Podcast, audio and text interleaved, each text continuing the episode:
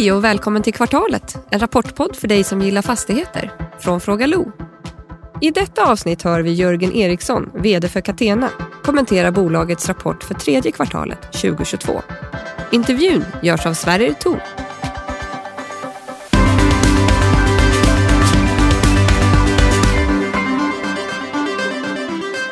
Hej Jörgen! Hej Sverige! Välkommen, välkommen till Helsingborg, jag säga. Tack så mycket, roligt att ha dig här i Helsingborg Ja, så får ja. jag säga detsamma till dig. Ja, tack. Ja, det är kul att vara här, som vanligt. Det är en av mina favoritstäder, måste jag säga. Är du nöjd med... Eller vi börjar med, mår du bra? Ja, jag mår jättebra, Catena mår minst lika bra. Härligt, härligt. Ska vi höra om Niklas Höglund mår bra? Det tycker jag var spännande. Ja, då är det dags för snabbanalys av Catenas tredje kvartal och förvaltningsresultatet är upp med över 17 procent jämfört med förra året. Och det ligger faktiskt eh, hela 8 procent högre än marknadens förväntningar. Och tittar vi på intjäningskapaciteten som bolaget presenterar så är det lite mer blandat. Driftsnettot ökar med 3 procent jämfört med, med förra kvartalet. Men förvaltningsresultatet är faktiskt ner med 3 givet och högre finansieringskostnader. Jämfört med, med förra årets eh, intjäningskapacitet så är däremot förvaltningsresultatet upp med hela 6% Men då har man lite fler utstående aktier efter nyemissionerna. Om vi går över på värdedrivarna så fortsätter substansväxten att stärkas trots att mm, man skriver ner värdena med, med netto 0,3 i kvartalet. Man kan titta på, på värdeförändringarna då, som är negativa. Det balanseras av eh, ett positivt bidrag från försäljningar i kvartalet som har gjorts över 15 procent över bokvärden. Och tittar man på bruttorealiserat så har man justerat ner värdena med en halv procent. Eh, Justerat då för stigande avkastningskrav i marknaden. Substansvärdet, som är summan egentligen av värdeförändringar och kassaflöde, är fortsatt upp med 1 procent sedan Q2 och hela 16 procent sedan årsskiftet. Jämfört med, med ett år sedan så är det en fantastisk utveckling, upp 31 procent justerat för utdelning. Bolaget lyfter fram en stark hyresmarknad drivet av en eh, fortsatt eh, bra efterfrågan på ytor. Och eh, det här driver då hyror som dessutom underbyggs av stigande kostnader för att utveckla nya fastigheter, något vi på ELL kan skriva under på. Tittar vi på värderingen i förhållande till substansvärdet så har ju aktien tappat lite, men handlas ju fortfarande runt substansvärdet då. Eh, och det här är betydligt högre än, än sektorsnittet som ligger på 40 procent rabatt och visar ju fortsatt en, en bra sentiment och förtroende från marknaden för, för att bolaget ska fortsätta växa, men ligger ändå en bra bit eh, under var aktien har handlats historiskt, eh, där man faktiskt har haft en närmare 40 procent i premie. Tre negativa. Det är logistiksegmentet generellt har en relativt hög belåning och, och ägande i fonder. Och det här riskerar att pressa avkastningskraven lite mer i den här eh, lite högre räntemiljön. Långa hyreskontrakt begränsar då omförhandlingspotentialen utöver inflation och eh, värderingen där bolaget handlas i linje med substans, vilket då är, är, är betydligt högre än, än vad sektorn gör, även om det relativt den egna historiken är, är fortsatt rätt attraktivt. Och tre positiva, det är en stark finansiell position, vilket sticker ut jämfört med andra logistikbolag. Och bolaget har en belåningsgrad om bara 35 procent. Det här underbygger såklart tillväxtmöjligheten och minskar ju självklart den finansiella risken. Riktigt viktigt. Två, det är en fortsatt väldigt stark underliggande efterfrågan, vilket underbygger potentialen för högre marknadshyror, även om det tar lite, lite tid innan man får kapitalisera det. Men det minskar också risken där. Och, och sen tre, det är ju full kompensation av, av inflation även på kostnadssidan, drivet av så kallade triple net-kontrakt. Och det här balanserar ju ökade avkastningskrav och ökar visibiliteten för stärkta kassaflöden hela vägen ner i resultaträkningen. Och det här är extremt viktigt i de här lite mer osäkra tiderna. Tack för det Niklas. Är du nöjd med rapporten? Jag tycker att den är väldigt stark. Det tycker jag också. Eh, Såklart eh, är det en eh, väldigt skakig omvärld men vi brukar säga att det är, det är två helt skilda världar vad som händer ute på marknaden. Många som har stora issues men vi tycker ändå att vi, vi presterar väldigt bra i vår lilla låda och eh, märker inte så mycket av det och våra kunder mår bra och det finns en efterfrågan på marknaden. Och jag kan tänka mig, och det, det ser man ju, logistik är ju också, alltså det är ju fortfarande, varuflödena fortsätter ju i världen. Det är fortfarande en liten, liten catch-up-effekt kan man säga, liksom mycket som har, som har legat i träda under, under pandemin som, som liksom försöker komma igen på något sätt. Eh, men det är en sak som är ju intressant och det är det du nämner i, i rapporten. Det är ju den här trenden liksom, som vi har pratat om förr. Eh, med liksom att man, man tar hem lagerhållningen, man tar hem till och med produktionen till en del. Eh, Den är ju väldigt intressant. Ja, ja och vi har ju ett, ett eh, lysande exempel i det i Elgiganten där vi nu ska börja bygga eh, 86 000 kvadratmeter i första etappen och där de flyttar hem en, sin, sitt stora kökslager från Tjeckien. Mm, mm. Eh, Så det är ett, ett sådant exempel. Såklart är det också en hel del tillväxt i det caset men eh, vi hör det på många håll och det är ju såklart en effekt av vad som har hänt här de senaste åren i världen med containerskeppet som ställer sig på tvären i Suezkanalen. Och, eh, det kostar så att säga mer att inte kunna sälja sina varor än det gör att ha dem på lager lite längre tid, lite närmare slutkund. Ja, jag brukar säga lite slarvigt att man ska skylla den här krisen på, på logistiker. För det, är de, det, är, det är deras fel. Det är de som har liksom, gjort världen så lean så att det, det liksom, ingenting funkar längre. Håller du med om det? Nej, jag vet att det är, jag kan väl hålla med med att det är alltid någon annans fel i varje fall. ja, vad bra. Vad bra. Eh, just in time har blivit just in case. Den, den fastnade nog inte bara jag på. Just in case kan ju också vara liksom den försiktiga hållningen av, av Catena. Men det är ju ändå framförallt logistikmarknaden som, som har bytt inriktning kan man säga så. Ja men det kan man göra och det är det vi hör från våra 3PL-kunder också att eh, lite som jag sa innan vilket case det nu än är om det är ett, eh, ett skepp som har ställt sig på tvären eller inga containrar blir lossade i San Francisco då har vi ett case där vi ändå har våra varor på hemmaplan som vi kan serva marknaden med. Eh, Tidigare har det ju varit just in time fokus med att inte ha någon kapitalbindning alls utan och så små lager som möjligt då. Men, men då riskerar man ju också att stå utan en vacker dag så att säga när inte logistikerna har skött sig. Ja, precis. precis. Men, men är det också just in case när det gäller liksom, liksom, vad ska man säga, den förnuftiga hushållningen i ett företag? Ja, det skulle man kunna göra den eh, övningen också och tänka så. Och, eh, tittar vi på våra projekt så, så känns det ju som att eh, ja, men vi, kör, vi kör ett case när det finns ett case. Eh, Och det känns ju väldigt betryggande i de, i de här tiderna. Eh, vi kommer väl in på det, men nu går jag in på det för du ställer frågan. Alltså det, Kostnaden för att låna pengar har ju stuckit rakt upp till himmelriket. Eh, Så därför är det ju liksom, då måste vi ta ner risken i våra projekt. Vi har något eh, som inte är 100% uthyrt men eh, generellt sett så, så kör vi ju ett case när det finns ett case. Okej. Ställer, ni, ställer ni in projekt? Alltså, Nej. För ni har inte kört någonting på spec va? Vi har ju presenterat ett spec, eh, ett delspec i- uppe i Landvetter.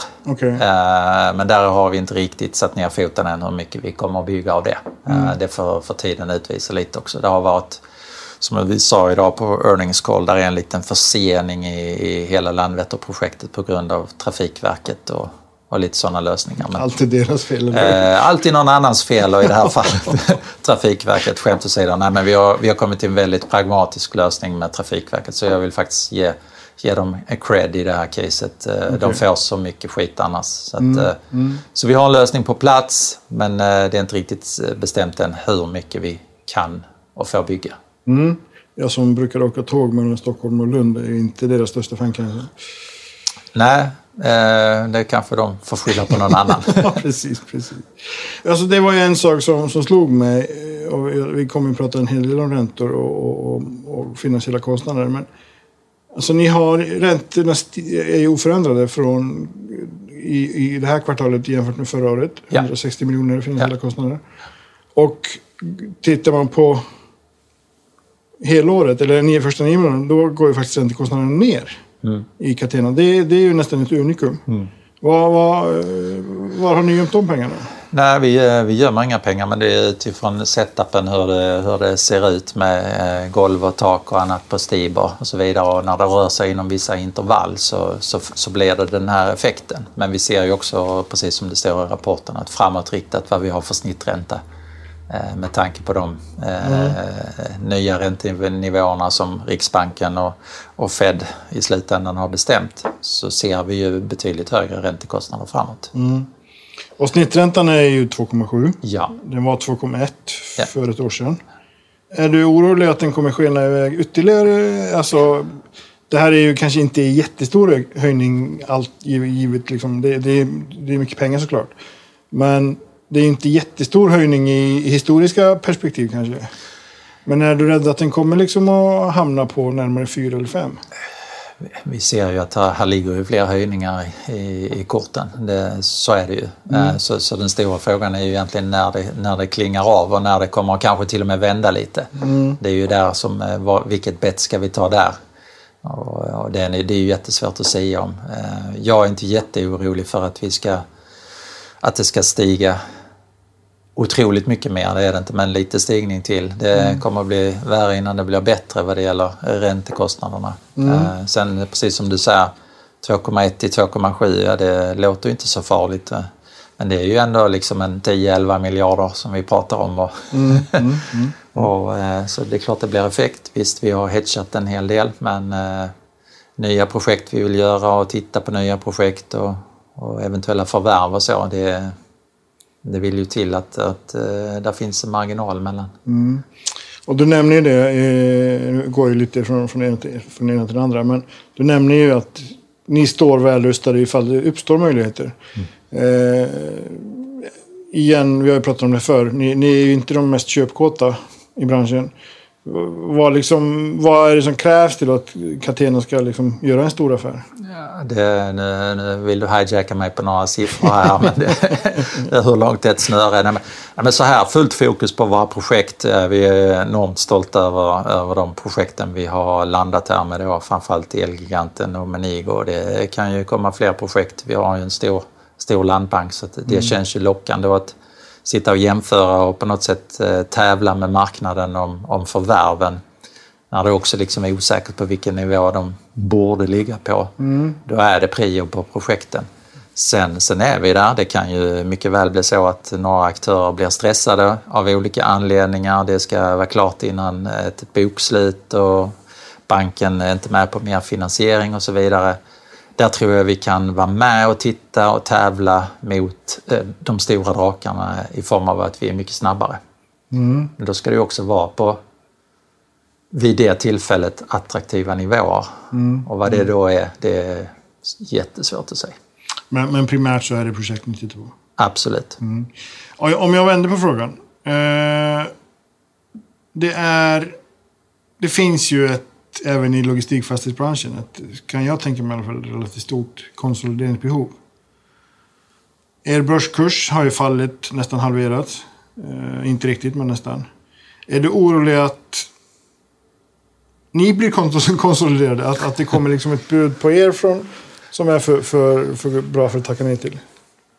Oj, fråga för, för Lennart och styrelsen. Jag, nej, jag sitter inte och funderar på det om dagarna. Eh, jag tänker lite så här att alla har väl fått en, en rejäl släng av sleven och att då alla som eventuellt skulle titta på Catena också är lite stukade vad det gäller självförtroendet om man tittar på marknadsvärdet. Mm, mm. Eh, så att nej, det är inget jag funderar på eller är orolig för. Okej, okay, okej. Okay. Eh, och igen, från det ena till det andra. Vi, vi kommer tillbaka till räntorna. Jag har ett batteri på, på, med frågor på dem. Men jag vill bara ta den här först. Eh, du nämner ju vd-ordet att TPL blir ju en större andel av, av, av era hyresgäster. Och det är ju sådana här som då eh, som Postnord eller, eller DHL eller, eller, eller Schenker. No, No Waste är ja. ju ett lysande exempel. Ja.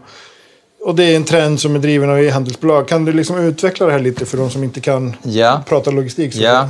Ja, men jag eh, brukar alltid likna det vid lite gamla tidens och det kanske nya tidens också. Men om man, om man är lantbrukare och eh, går ihop med, med grannen och några andra bönder så delar man på inköpskostnaden av en väldigt dyr skördetröska. Mm. Eh, och så använder man den ena på förmiddagen och den andra på eftermiddagen.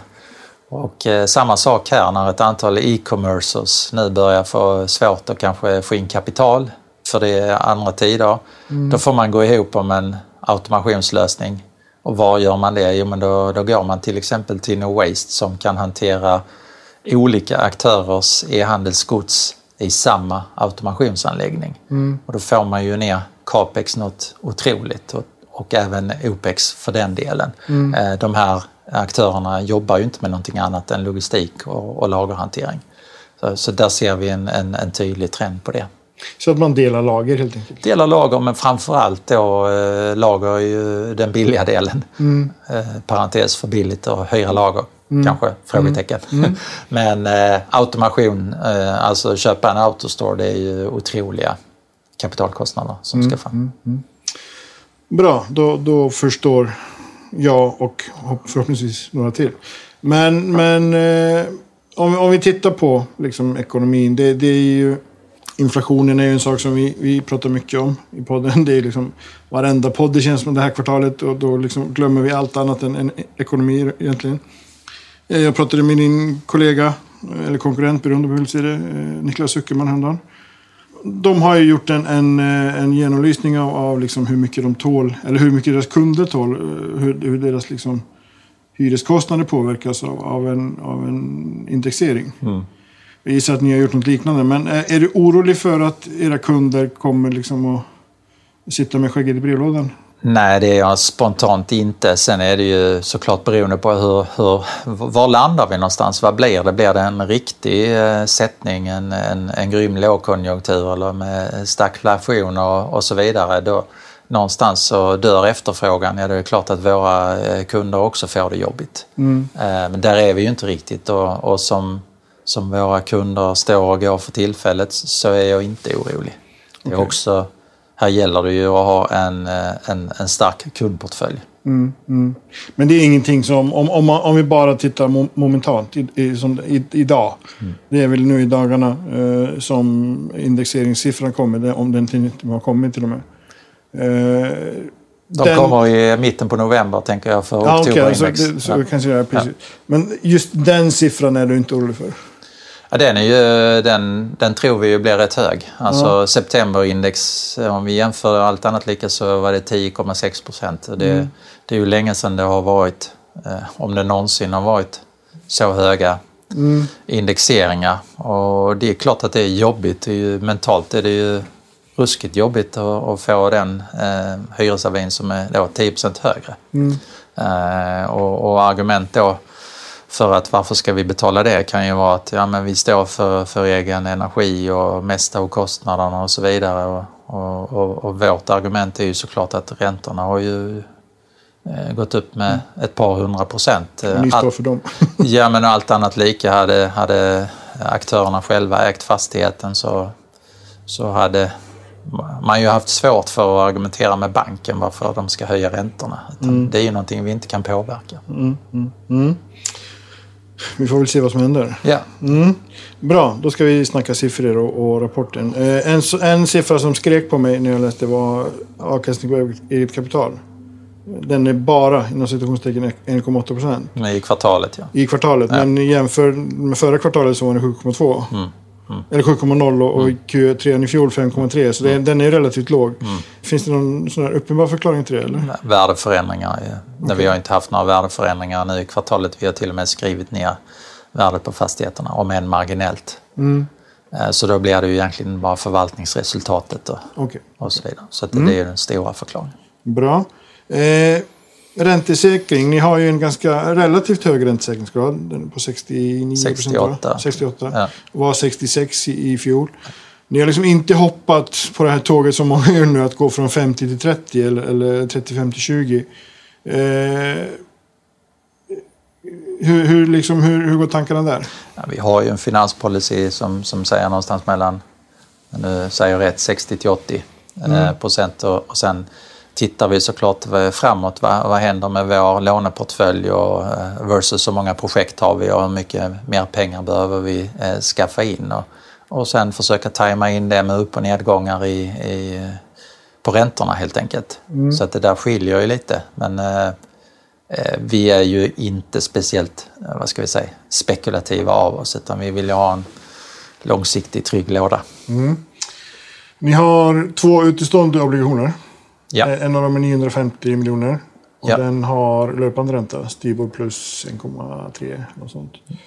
Kan det finnas skäl till att räntesäkra den? Re- Refinansiera den? Och, Nej, utan vi, vi, eh, vi hedgar ju på, på på toppen. ett annat Ja. ja. Så att eh, det, det ingår i det totala. Utan Mm. de, däremot så ska den ju inte refinansieras nästa år. Så att eh, Nej. vi sitter ganska trygga där. Vi har 400 miljoner på kapitalmarknaden nästa år via SFF. Mm. Och eh, utan att föregå några diskussioner men läget idag ser ju, det är ju rätt så stängt på kapitalmarknaden anser vi. Mm. Så att, eh, då får vi lösa det med bankfinansiering. Bra, då har du svarat på nästa fråga. För de, de här obligationerna går inte ut förrän 2025. Nej. Men hur ser det ut i övrigt? Hur, ser det ut på banksidan? Har ni, behöver ni re- refa någonting där? Ja då, eh, jag har inte exakta siffrorna nu i huvudet men det är, det är några miljarder som ska refinansieras. Men vi har riktigt bra dialoger med bankerna. Alla supporterar oss. Sen är det ju inget konstigt. Det kostar mer nu än vad det, vad det har gjort. Eh, Men eh, jag skulle vilja säga att vi sitter relativt sett mycket bättre till. Det är inte så att någon bank säger nej, vi är inte intresserade utan alla är intresserade av att jobba med oss. Fem mil söder om oss sitter ju Ulrika Hallengren och, och njuter av danska realkreditsystemet. det, det, ni, ni har väl en del där- också? Vi har också en del där och det, det, eh, marknadsräntorna där har ju gått bananas på sistone. Okej. Men vårt bett är väl ändå att det, det ska rätta till sig här över tid. Kommer ni, kan ni komma och lägga en större del där? Ja, men just nu nu är det ju snarare som att vi inte skulle vilja vara på den, på den korta banan men vi får väl se vad som händer. Så att, eh, det, ja, vi är ju långsiktiga så att det, eh, det är ju inte så att vi tradar med fastigheter och byter ut eh, dem utifrån hur re- det, räntemarknaden är. Okej, okej. Vi, vi pratade ju om, om en snittränta och, och, och eh, ni, ni har ju gjort ett eh, stresstest av räntorna. Ni har ju redovisat hur räntetäckningsgraden kan utvecklas, hur mycket räntekostnaden ökar. Ja.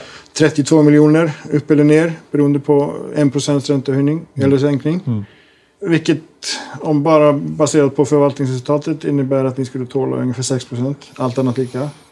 Allt annat är sällan lika. Om man säger så här, bara väldigt konkret fråga. Hur stor räntehöjning tål ni? Ja, men det, det blir det tråkiga svaret. Det beror på. För vad för det med sig? Förmodligen för det med sig helt andra gilder. Ja, Så att eh, där blir ju, någonstans blir det ju en, en härdsmälta i systemet. Men det, den är så långt bort så den, den tycker jag inte ens vi ska prata om. Det är som elefanten i rummet. och vid 6 procent så, så har väl alla era kunder gått i konkurs också? eller? Nej, men jag menar, det, då fortsätter räntorna upp, då fortsätter eh, indexeringen att gå upp och då, då vill det ju till att eh, hela systemet ska klara av högre hyror också för att vi ska kunna f- betala räntorna. Så att det, Bra. I, I stresstesterna så tar ni inte... Ni, ni har två olika scenarion. Ett med, med stigande gilder och, och hyror står still. Ett med stigande gilder och, och stigande hyror. Men ingenting med fallande hyror. Nej. det, det är ett så pass uteslutet scenario, eller? nej, men allt annat lika. Vi skulle egentligen kunna ha hur många scenarier som helst med x antal kunder eh, går i konkurs eller flyttar till grannen och det blir vakanser till att eh, kunderna kommer och säger vi kan bara betala halva hyran och så vidare. Så att eh, någonstans bara för att vara eh, väldigt kort och koncist så tar vi de här scenarierna så får i varje fall läsaren en, en uppfattning om vad som skulle kunna hända. Men precis som du säger, allt annat lika är sällan allt annat lika. En, en sån här är ju risken för ökad cancer. Ni har ju 90... Alltså ni har Nästan väldigt, 97 procent uthyrningsgrad. Precis, väldigt lågt vak- vakansgrad idag. Men, men risken för ökad cancer, hur, hur stor bedömer ni den?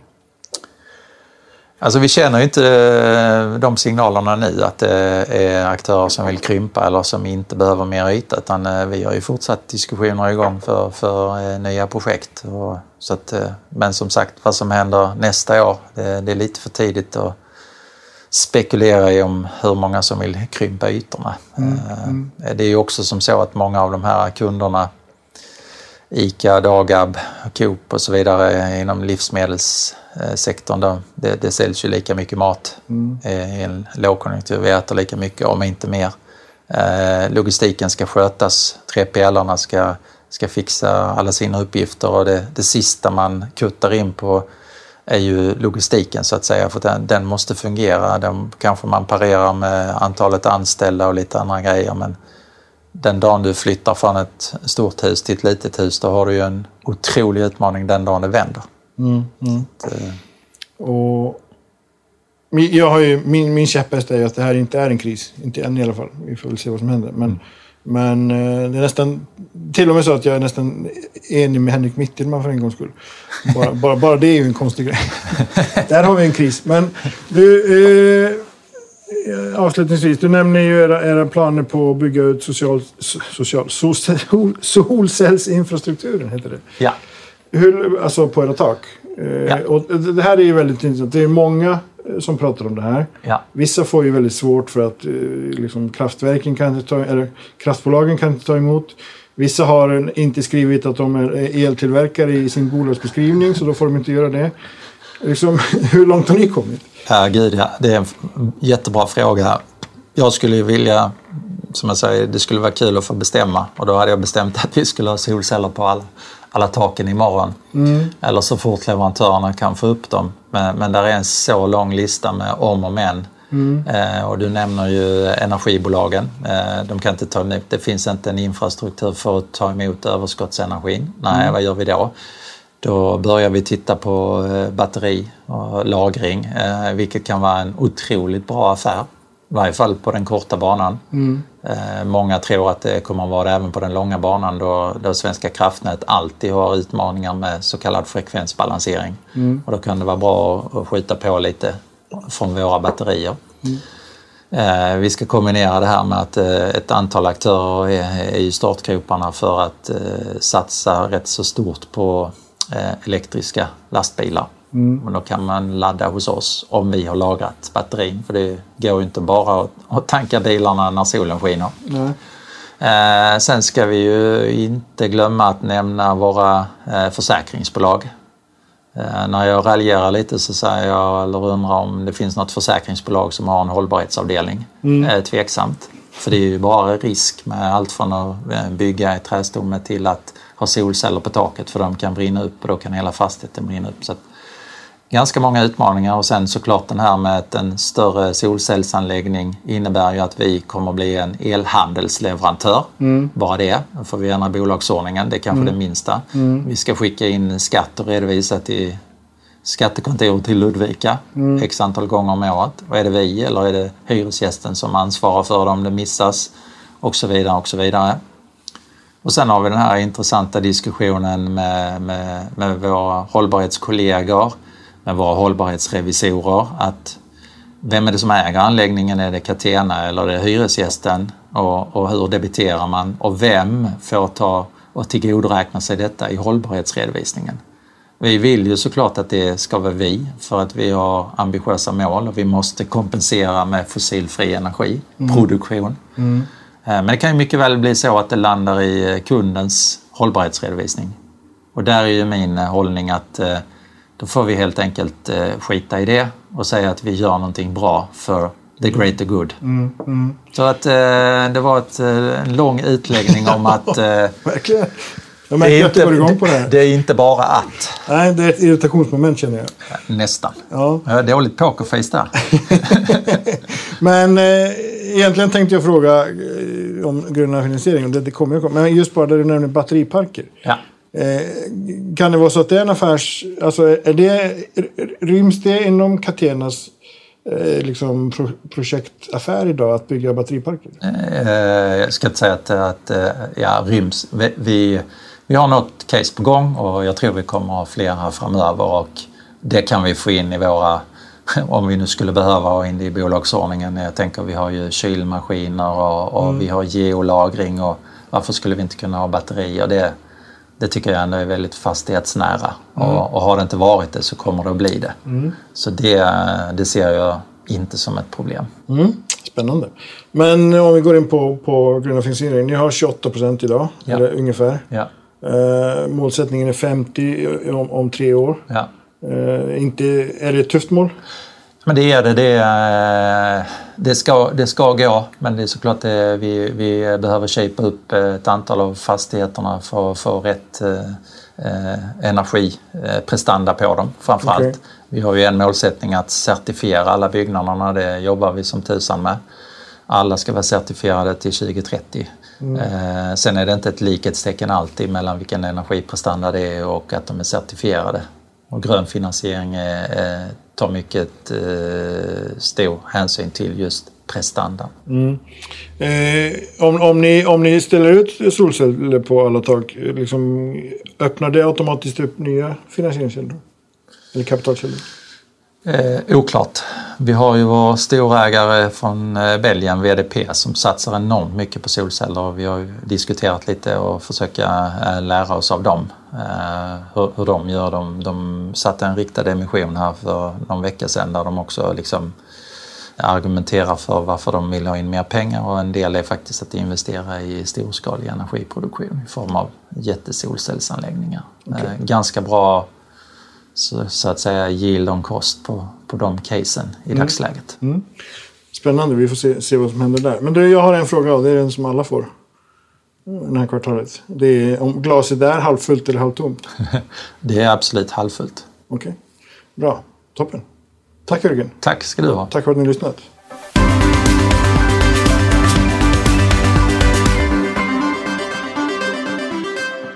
Det här programmet görs på Beppo. Beppo.